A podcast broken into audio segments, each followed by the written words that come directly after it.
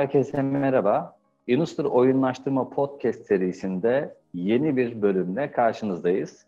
Bugün güzel bir konuğumuz var. Farklı bir konu, farklı bir açıdan oyunlaştırmaya yaklaşacağız. Öncelikle ben kısaca kendimi tanıtacağım, ardından konuğumuzu tanıyacağız. Ben Inustur Bilgi Teknolojileri firmasında oyunlaştırma deneyim tasarım lideri olarak görev alıyorum. Ee, bugün konuğumuz Çağrı Küpeli. Çağrı hoş geldin. Hoş bulduk Ali Cevat. Çok teşekkürler davetiniz için. Rica ederiz. Ee, sen de bizim davetimizi kırmadığın için biz sana teşekkür ediyoruz. Bugün farklı bir konuyla e, konuklarımıza, dinleyicilerimize yaklaşacağız. Senden güzel bilgiler alacağız. Farklı bir açıdan oyunlaştırmayı görmüş olacağız. Ee, dilersen kısaca seni tanıyalım. Ardından konuşmalarımıza başlayalım. Tabii ki. Ya ben Çağrı, e, ne, şöyle tanıtayım, en sondan başlayayım hatta. Şu anda bir podcast ajansına çalışıyorum, e, Podfresh adında. Yaptığım şey aslında podcast eğitimlerini tasarlamak ve uygulamak ihtiyacı olan kişilere, kurumlara ve bireylere. Aynı zamanda Merak Listesi adında bir podcast'im var. İki buçuk yıl olacak neredeyse. 110 bölümdür. Onu kaydı per hafta yayınlıyorum. Bir taraftan öğrenme tasarımcısıyım aslında. Yani insanların nasıl öğrendiğine dair çok büyük bir tutkum var, merakım var. Ve insanların da nasıl öğrenebileceklerine dair de ortamlar tasarlamak, uygulamak beni çok mutlu ediyor ve 13 yıldır da bu işi yapıyorum diyebilirim kısaca. Süper. Aslında e, birçok alanda uzmanlık sahibisin. Daha ziyade güzel bir meraklısın. E, bunun da faydasını e, farklı yerlerde görüyorsundur. E, kesinlikle. Bu güzel bir yetenek kesinlikle. E, yeniden hoş geldin diyorum ve kısaca e, bir başlangıç yapalım. Öncelikle bizim e, podcast serimizde oyunlaştırmayla ilgilenen, oyunlaştırma e, konusunda çeşitli kurgular hazırlayan, danışmanlıklar yapan veya herhangi bir bünyenin içerisinde oyunlaştırma e, danışmanlığını yürüten arkadaşlarla görüşmeler yapıyoruz. E, sohbetlerimiz oluyor. E, bu sohbet serimizde seni davet ettik. E, burada farklı açılardan yaklaşmak bizim için en önemli kısım. Çünkü e, biliyorsun sen de oyunlaştırma bir metot. Oyunlaştırma hazır bir e, ürün değil, hazır bir çıktı değil. Dolayısıyla elimizdeki e, oyunlaştırma metoduyla neler yapacağımız tamamen hayal gücümüze kalmış. Senin çok güzel örneklerin var. Özellikle geçmiş yıllara dayanan bir deneyimin var. İstersen en klasik soruyla başlayayım. Oyunlaştırmayı sen tam olarak nasıl keşfettin? Ee, bir denk geliş miydi? Yoksa bilinçli bir şekilde oyunlaştırmayı öğrenip kendi süreçlerinde kurgulamak mı istedin? Ya teşekkür ederim. Çok güzel bir soru. Yani ilk böyle düşündüğüm zaman bu soruyu sanırım çok bilinçsiz düzeyde aslında rastlantı üzerine oldu. Ben hani şeyde işte 2007 yılında AFS adında bir programla Bolivya'ya gittim. Bir yıl Güney Amerika'da yaşadım. Gitmeden önce böyle bir eğitim kampı vardı üç günlük. Deneyim üzerine aslında deneyimsel öğrenme üzerine tasarlanmış. İşte bize daha önceki yıllarda AFS'de gitmiş kişiler bizim ihtiyacımız olacak aslında şeylerle donatıyorlardı bizi. Bir etkinliklerle donatma ya da etkinliklerimizi geliştirmeye çalışıyorlar. Aslında hani hevesimiz, ben o zaman 16 yaşındayım, 17 yaşındayım ve benim için hiç hani orada şey değil böyle bir ne öğrendi falan diye sorunuz ama aklımda çok şey kalmıyor. Ama hala mesela hatırlarım yani o zamanki eğitimdeki içerikleri. Ve ilk aslında o zaman fark etmiştim oyunlaştırmayın. Ama ne oradaki bu eğitim verenler bunun oyunlaştırma olduğunu biliyordu ne de tasarlayanlar. Ben daha sonrasında yaklaşık işte 2012 yılına denk geliyor. 5 yıl sonrasında böyle bir şeyler okurken işte eğitimle ilgili tasarım yapmak istiyordum ve ya bunu nasıl daha eğlenceli hale getirebilirim? İnsanların nasıl daha fazla ilgisini çekebilirim? Bir de çok bazı konular çok zorlayıcı konular ve çok tekrara düşüyor. Ve hatırladığım Aynen. hani şeydi atölye şeydi iletişim üzerineydi. Ve iletişimi ya herkes de her yerde almış, dinlemiş. Yani onlarca kez bunu dinledik. Daha ne kadar bunu konuşabiliriz? Ama aslında yaşadığımız sorunların hepsi de neredeyse iletişim kaynaklı. Ben de orada Kesinlikle. ne yaparım derken karşıma oyunlaştırma çıktı işte. Gamification kavramı çıktı. Ve okumaya başladıkça ya ben bu sistemi biliyorum, ben bu metodu bir yerden tanıyorum dediğimde bir anda işte böyle bir geriye doğru gittim. 2007 yılındaki o eğitimleri hatırladım. Ve hani örnek olarak da şeyi söyleyebilirim ilk böyle aklımda kalan ve beni çok zorlayan şeylerden bir tanesi.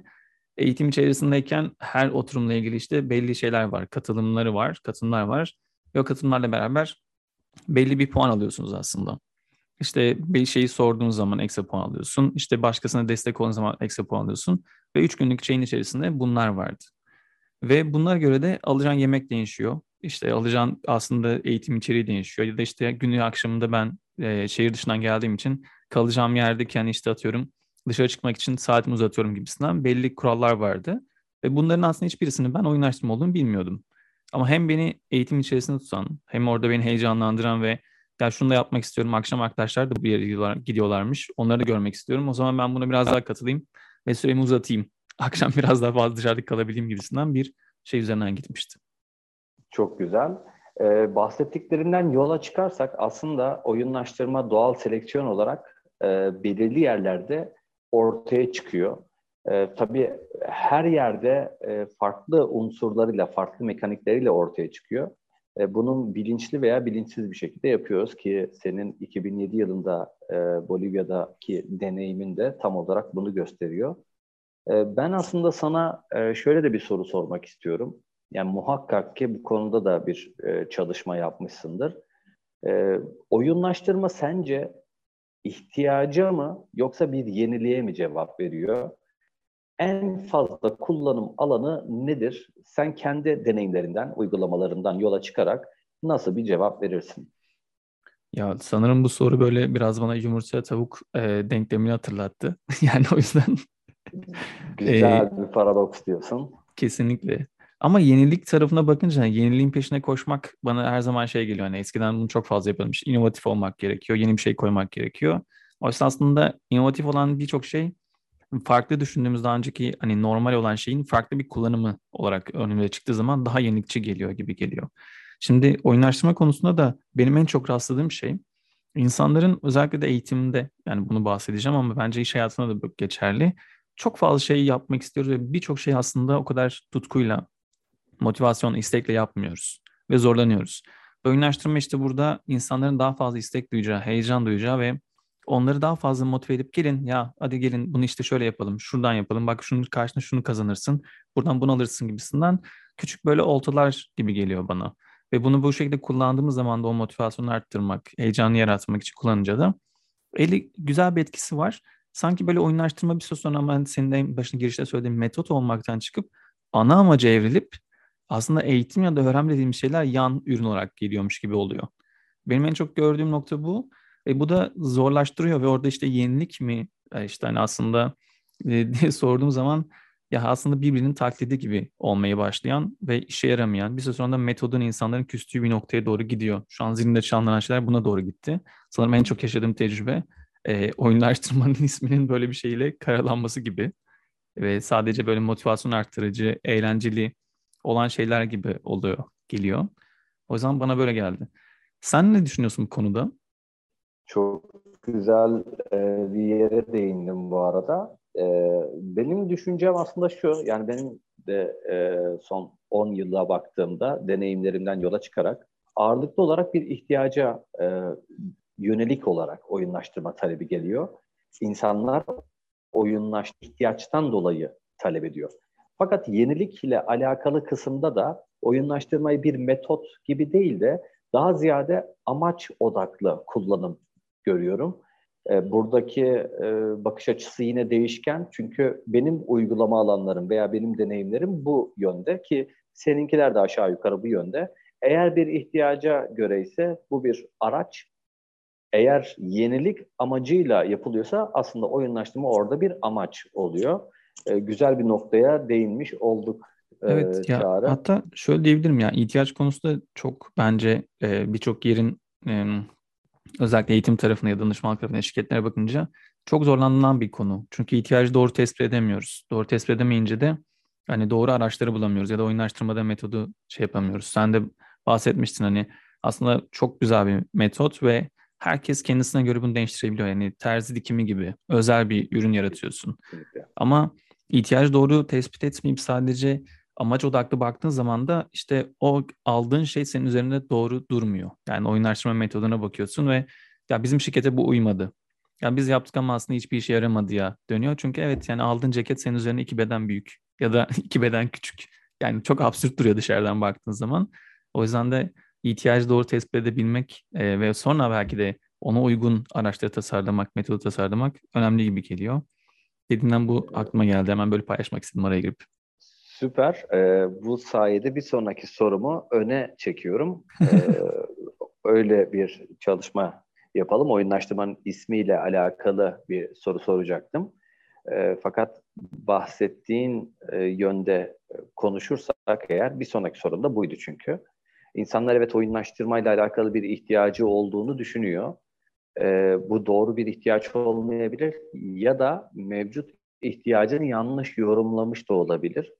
E, malum e, oyunlaştırmada birçok model var fakat en popüleri Verbach'ın e, modeli.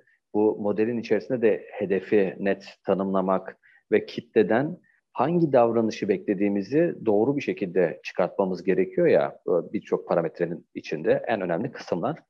Belki biz kitlenin gerçekten hangi davranışı sergilemesi gerektiği ile alakalı yanlış yorumlarda bulunuyoruz. E, ve piyasadaki oyunlaştırma algısının işe yaramaması e, bu şekilde ortaya çıkıyor diye düşünebilirim. Bununla alakalı zaten genel olarak da konuşabiliriz ama e, bizzat oyunlaştırma tarafına baktığımızda senin de dediğini doğrular gibi evet oyunlaştırma yanlış kurgulanırsa bir e, çözüm olmuyor ve şuna dönüyor oyunlaştırma bir işe yaramıyor. Böyle bir algı oluşuyor. Oysa tam tersi oyunlaştırma doğru kurgulandığında, doğru bir hedef, e, doğru bir davranış döngüsü belirlendiğinde muazzam bir problem çözücü. Zaten genel olarak baktığımızda bir metot. E, dolayısıyla yanlış yorumlamalara müsaade etmememiz gerekiyor. E, senin var mı burada ekleyeceğim? Yani soruyu bu şekilde sorarsak oyunlaştırma yanlış kurguyla doğru bir sonuç çıkarabilir mi? E, nereden döndürebiliriz bu yanlışlığı? Ya e, yani tabii ki de giderebilir mi? Giderebilir yani sonuçta şans faktörü var. Oyunlaştırma içerisinde benim en sevdiğim bir şeydir o da. Yani şans eseri gerçekten de belki çok iyi bir şey ortaya çıkabilir mi? Çıkıyor. Yani bazen istemediğimiz sonuçlar da elde ediyoruz. Ama gerçekten aslında planlamak ve çıktığının ne olduğunu bilmek bence hani tasarım dediğimiz şeyin içerisinde bence oldukça önemli. Oyunlaştırmayı tasarlarken de bu çok önemli bir şey. Yani çünkü gerçekten dediğin gibi hedefin, hedef kitlenin ihtiyacını doğru tasarlamak ve oyunlaştırmayı aslında metodu bir katalizör olarak kullanıp oyunlaştırma çektikten sonra davranışı sürdürülebilir kılmak istediğimiz şey. Ama genellikle bunu çok fazla es geçiyoruz. Uzun vadeli planlamak konusu da bence biraz hani şey diyebilirim kültürel olarak tabii bizim baktığımızda uzun vadeli planlamaklardan kaçınıyoruz. Yani bir oyunlaşma metodu aldığımızda hani hemen çözsün istiyoruz problemi. Ama problem aslında baktığımızda köküne indiğimizde ya 10 yıldır bu şirketin içerisinde var. 10 yıldır bu kurumun içerisinde var. Dediğimiz bir problemin hemen böyle sadece bir metot geldi ve bir ayda bir günde çözdü diye bir şey mümkün değil.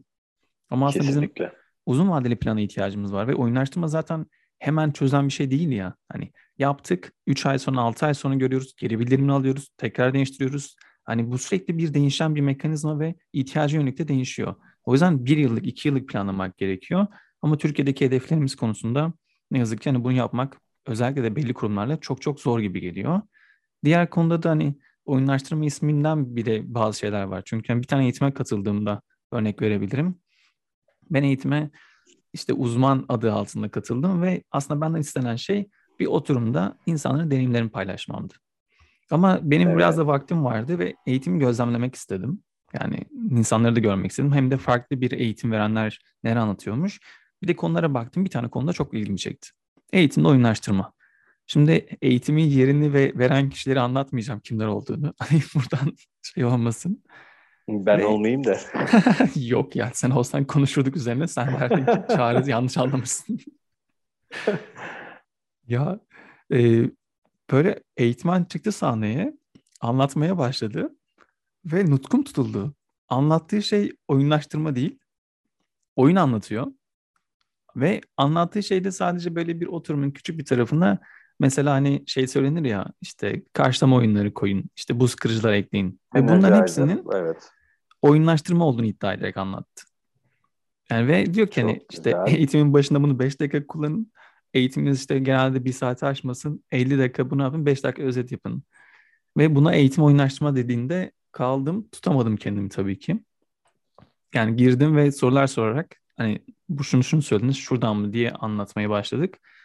Sonrasında tabii ki hani tepki çeken ve eğitmen tarafından biraz şey olan ben olmuş oldum. değiştiniz. Aynen. Evet. Ee, orada senin bahsettiğine katılıyorum. Yani bunun gibi yanlış yorumlanan birçok kavram var. Eğitimde oyunlaştırma da oldukça yanlış anlaşılan bir konu. Hatta ben eğitimde oyunlaştırmayı normal süreç oyunlaştırmasından bir tık daha e, farklı olarak görüyorum. Çünkü işin içerisinde hmm. doğrudan öğrenme var. Diğer Tabii tarafta ki. yalnızca davranış beklenirken burada öğrenme artı davranış e, söz konusu. E, bahsettiğim gibi belirli oyun oynatmayı oyunlaştırma olarak yorumluyorlar. Bunun sebebi de oyunlaştırmayı çok net bilmediklerinden geliyor. Bahsettiğin türde eğitimler mevcut ülkemizde de, yurt dışında da. Hatta oyunlaştırmanın belki başkenti olarak diyebileceğimiz, e, nitelendirebileceğimiz ülke olan İspanya'da e, bile bu tarz yanlış yorumlanan kavramlar var. Eğitimde oyunlaştırmanın dışında e, farklı şeyler yapıp içinde gerçekten yani play diyeceğimiz şeyler e, yapıp bunu oyunlaştırma adı altında yapıp ve buna inanan kişiler oldukça fazla. E, benim de karşılaştığım birçok örnekten bir tanesi buydu. Aslında bizim süreci oyunlaştırmamız gerekirken, oyun dışı bir şey yapmamız gerekirken direkt orada aralarda oyun oynatarak, belki nefes egzersizi yaparak oyunlaştırma yaptığını iddia eden insanlar olabiliyor. Ee, bir de az önce bahsettiğin gibi araya giremedim. Ee, Lütfen araya gir ya. ben konuşmayı seven birisiyim. Ama, e, süper. E, tam olarak ben de öyle aslında. E, benim değinmek istediğim şey şuydu. E, Verbach'tan bahsettik işte hı D6 modelinden veya bunu e, T10'e de çekebiliriz. Hani farklı farklı modeller var. Fakat hiçbir modelin içerisinde geçmeyen ama benim inandığım iki tane unsur var bir oyunlaştırma kurgusu için gereken. Tamam merak ettim. Ee, şimdi bir tanesini sen söyledin zaten şans. Bu şans çok önemli ee, gerçekten. E, benim e, oyunlaştırma kurgusu başında e, uygulamada veya ara raporlarda sonrasında sıklıkla gördüğüm bir şey şans faktörüne herhangi bir şekilde dış müdahale yapılamıyor. Bir de e, en önemlilerden bir tanesi de durum. E, kesinlikle durum çok önemli.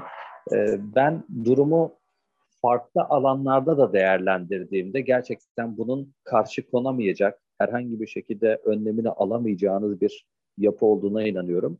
Özellikle de ödüllendirme konusunda e, belirli personalar gerçekleştirip ödüllendirmeyle, davranışla alakalı yönlendirmeler yapıyorsunuz.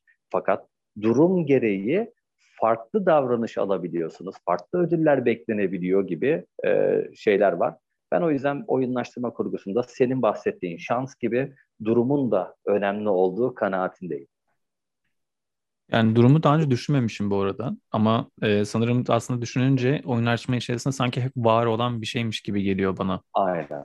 Yani ee, ama hani değerlendirme dışı tuttuğumuz için yani hı hı. E, şey de bilirsin e, e, hani ahval ve şerait derler, durum ve koşullar.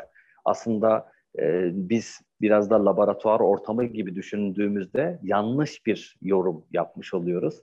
Genel şartları laboratuvar ortamında değerlendirip bu böyle olursa bu şekilde olur. Ben bu davranışı beklerim ve bu kişi belirli sürede şu davranışı alışkanlığına dönüştürür diye bir yorumda bulunuyorum veya bir kurguda bulunuyorum. Fakat durumlar değiştiği zaman o kişinin motivasyonuyla alakalı yükselme, alçalma olabiliyor.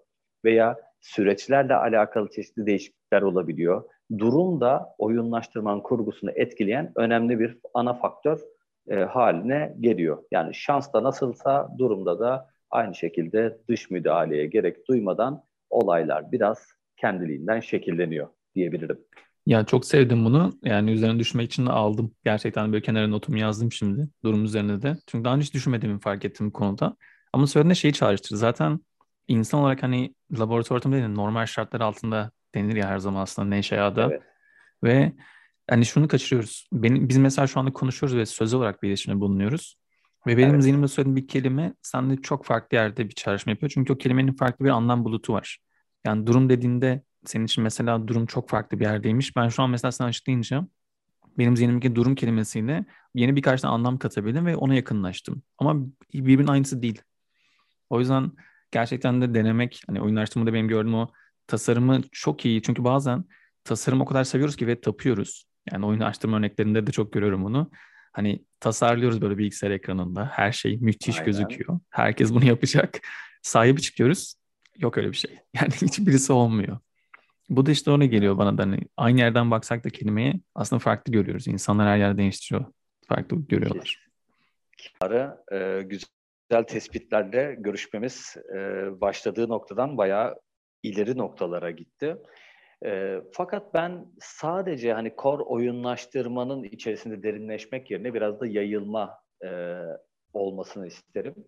Dilersen şöyle yüzeysel bir soru soracağım. Hani yüzeysel diye bahsediyorum ama e, muhtemelen senin için çok önemli bir soru olabilir. Ben e, senin oynamayı çok sevdiğin e, bir oyun e, ismi almak istiyorum. Yani sen en çok hangi oyundan hoşlanıyorsun? Ardından sebebini de soracağım tabii. Ya sanırım böyle düşündüğüm zaman kutu oyunları benim gözümde canlanıyor. Yani gerçekten kutu oyunlarını çok seviyorum.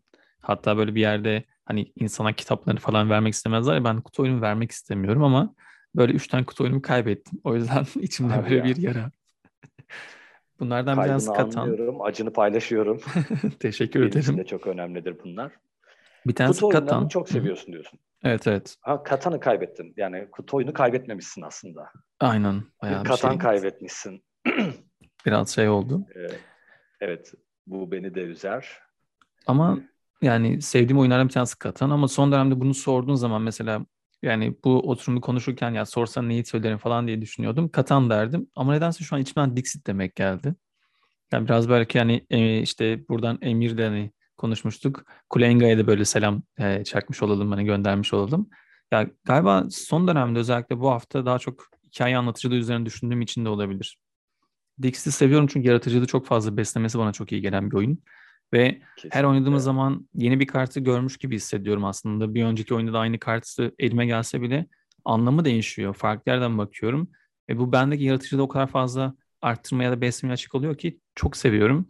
Bazen aslında eğitimlerin içerisinde hani oyunlaştırma olarak değil, bazen sırf geri bildirim almak için bile kullanıyorum bu kartları ki yani insanlara gösterip ya size şu an nasıl hissettiriyorsunuz, siz kendinize nasıl bakıyorsunuz gibisinden bir yerden almak bile o hani self reflection deniyor ya böyle kendini aslında ne denir Türkçe'de kendini değerlendirme üzerine bakmak için çok iyi geliyor. Aynen. Oynamak da çok keyifli geliyor bana. Yani en son oynadığımda hizmete uğradım. Hani ben bu oyunu çok iyi biliyorum deyip kaybettim. Sonuç oldu ama olsun. Ee, poker face varsa karşında bunun e, karşılığı olarak Dixit'te yenilmek mecbur.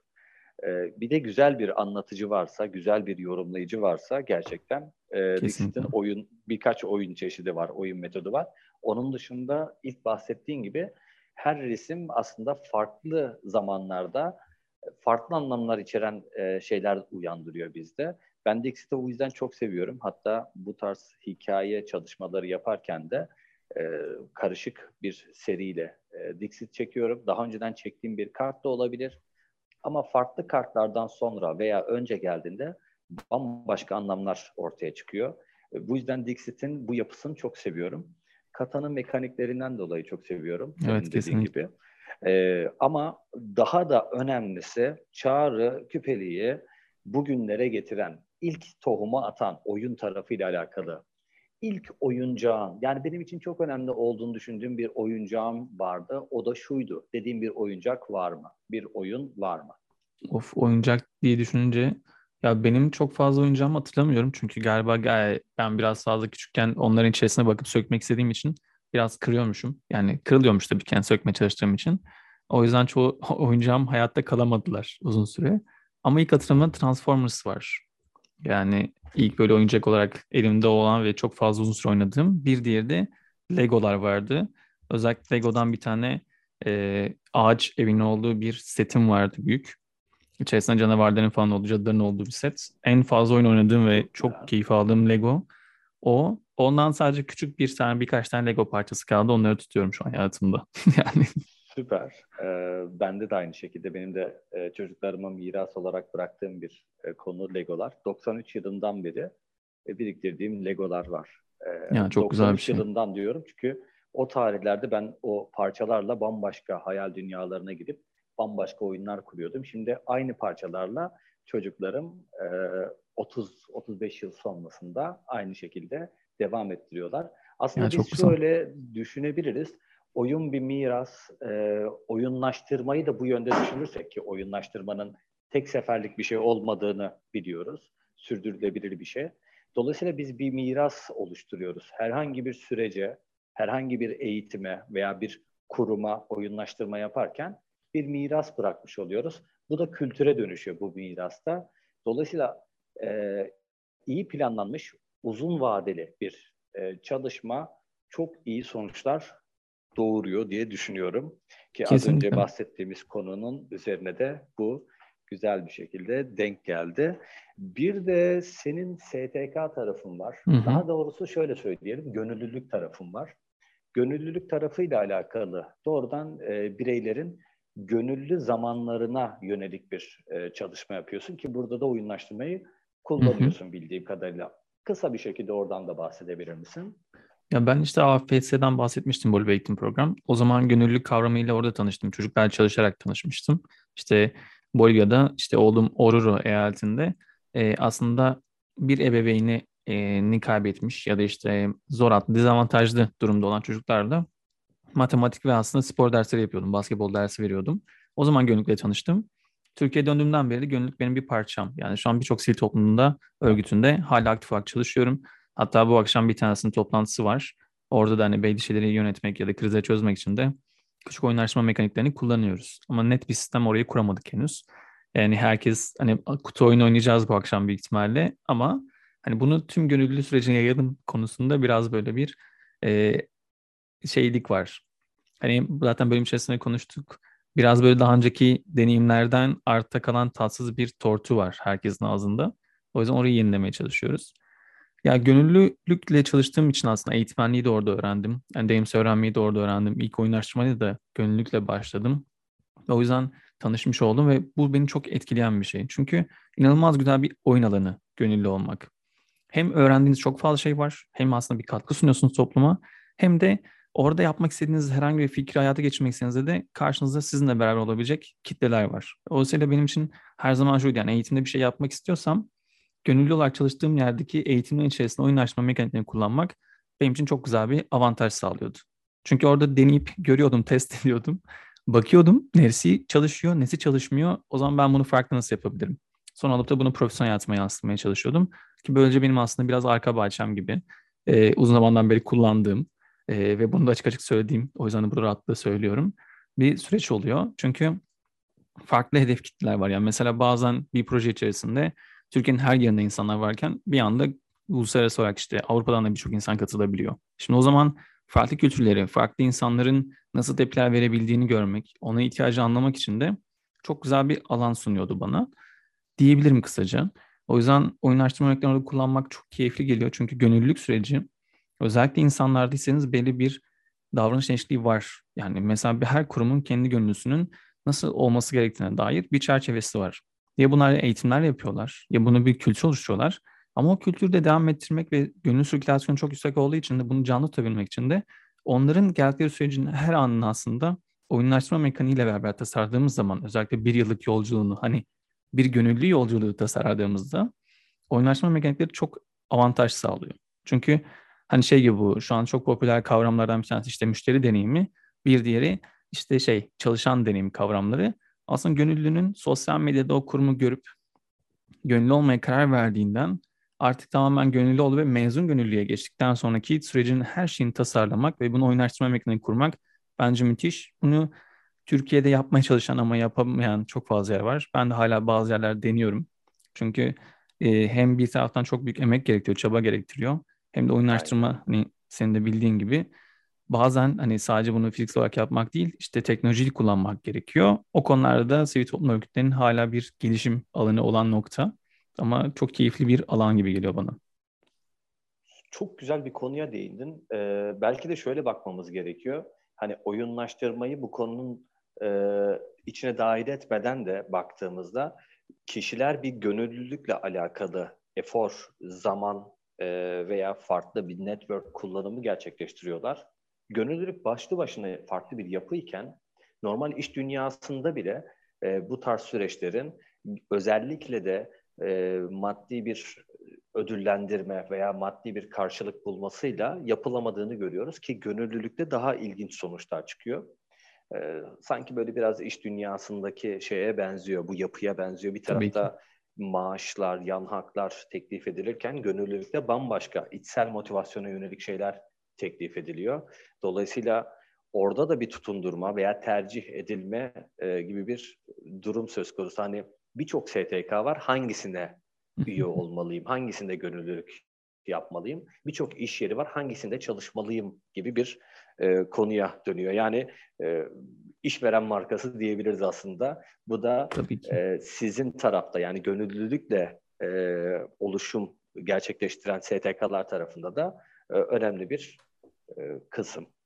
Ya zaten bence birbirini çok besliyor. Yani aslında şirketlerin de şu anda son dönemde işte anlam bulma hali var ya aslında yaptıkları işlerde. Evet. Hani çalışanların anlam yaratmak istiyorlar. Yaptığın iş aslında şunu yarıyor. Aslında orada da çok fazla gönüllülükten beslenecek bir alan var. Ve gönüllülüğün de gerçekten şirketlerin bu tutundurma çalışmalarından, çalışan deneyim tarafından öğrendiği çok fazla şey var. O yüzden birbirine çok geçen böyle grift bir yapı var. Yani senin dediğin de aslında böyle sanırım bölümün de sonuna geldik. O yüzden şöyle bir şey de bende çağrıştırdı. İzinle oraya doğru da bir top atmak istiyorum. Tabii ee, tabii buyur lütfen. Ya işveren deneyimi deyince gerçekten oyunlaştırmanın aslında hani ben biraz böyle em, e, kendi tarafından konuştuk, biraz eğitimden konuştuk. Ama bunun profesyonel olarak da böyle çalışanların üzerinde nasıl kullanıldığını çok merak ediyorum. Yani işveren markaları bunu alıp mesela nasıl projelendiriyor, hangi örnekleri kullanıyorlar, çalışanlarını aslında bundan nasıl etki ediyor? Benim çok büyük merakım. O yüzden de aklıma böyle hani sanki bir sonraki bölümde de Ali Ayaz olsa ve işveren markası üzerinden de bunları anlatsa çok keyifli olur gibi geldi. Ne ee, dersin? Güzel fi- güzel fikir. Ee, tabii kendisi de kabul ederse e, çok seviniriz. Çünkü işveren markası da aslında biraz e, oyunlaştırma gibi kader ortağı. Biliyorsun işveren markasında da yapılması gereken çok ciddi süreçler varken e, baktığımızda hani sadece ofiste iki gülüşmenin olduğu fotoğrafı paylaşmanın, sosyal medyada paylaşmanın işveren markası olarak addedildiği zamanlar var. Yani yine o kavram da oyunlaştırma gibi yanlış yorumlanabiliyor. Belki bunların cevabını alabiliriz Ali Ayaz ile, sevgili Ali Ayaz dostumuz. Ee, onunla e, bir sonraki podcastimizde e, bu konulara değiniriz. Gönüllülük tarafında Çağrı Küpeli'nin e, yapmaya çalıştığı, oturtmaya çalıştığı, daha ziyade içsel motivasyonu kullanarak oturtmaya çalıştığı bu e, tercih edilme yüzdeliğinin iş yerlerinde e, ağırlıklı olarak maddi, çoğu zaman da iş içsel motivasyonla nasıl gerçekleştirildiğini ondan dinlemiş oluruz. Dolayısıyla burada çok büyük, çok ciddi bir oyunlaştırma açığı da e, ortaya çıkıyor. Belki bu alanda bize yeni fikirler de sunabilir. Hem Harika dinleyicilerimiz olur. içerisinden de destek olacak, e, eklemeler yapacak olan kişiler de olacaktır. Onları da bu şekilde e, dinlemiş ve analiz etmiş oluruz. Ee, bu arada oturumumuzun e, sonuna geldik. Çağrı, çok teşekkür ediyorum ben katkıların, desteğin için. Ben e, güzel bir aydınlanma yaşadım. Hatta birkaç da not aldım. E, belki farklı bir zamanda seninle yeniden bir araya gelip bunları görüşme fırsatımız da olur. E, Inustra ofisine de bekliyorum. E, ya, çok teşekkür gelirsen, ederim yapmış olduğumuz çalışmalarla alakalı da bilgiler aktarabilirim. Hani iş dünyasındaki süreçlerde oyunlaştırmayı nasıl kullandığımızı, e, nasıl bir sistem yaptığımızı görmüş olursun. Bu konuda karşılıklı da e, bir konuşma yapmış oluruz diye düşünüyorum. Tabii ki çok için çok, çok sevinirim. Teşekkürler. Son söz için sana da e, bir fırsat vermek istiyorum. Ya çok teşekkür ederim davet için. Çok keyifli bir sohbet oldu. Ee, en kısa zamanda zaten hani yüzde umarım Industry Office'te bunları dinlemek çok keyifli olur. Çünkü gerçekten de bende de hani konuşurken de aldığım notlar var ve bunlar üzerine konuşmak hani zaten bu alan üzerine konuşmak beni hep heyecanlandıran bir şey. O yüzden çok çok daha fazla key- keyif alacağım eminim. Dinleyenler için de yani söyleyebileceğim sonsuz gerçekten oyunlaştırma aslında hayatımızın her yerinde ve nasıl baktığımız, nasıl algıladığımız bunu çok değiştiriyor. O yüzden hayatın içerisinde böyle biraz keyif, biraz neşe katmak istediğimiz her şeyin içerisinde oyunlaştırma mekaniklerini koyduğumuzda bence çok daha keyifli hale geliyor. O yüzden oyunlaştırmayla kalın diyebilirim. Çok teşekkürler Çağrı. Ee, güzel bir kapanış oldu. Aynı şekilde aynı dilekleri ben de e, iletiyorum. E, bizi dinlediğiniz için çok teşekkür ediyoruz. Serimize devam edeceğiz. Çağrı'nın önerdiği şekilde Ali Bey ile iletişime geçeceğiz. Eğer kabul ederse bir sonraki e, podcast serimizde Ali Ayas işveren markası tarafında oyunlaştırmayı nasıl kurguluyoruz? Aday deneyimi özellikle tercih edilen şirket olmayla alakalı oyunlaştırma metodundan nasıl faydalanabiliriz? Ee, bu süreçleri nasıl atlatıyoruz? Onları öğreneceğiz. Ben Çağrı'ya e, ve siz dinleyicilerimize çok teşekkür ediyorum. Kendinize iyi bakın. Bir sonraki podcast'te görüşmek üzere. Oyunla kalın.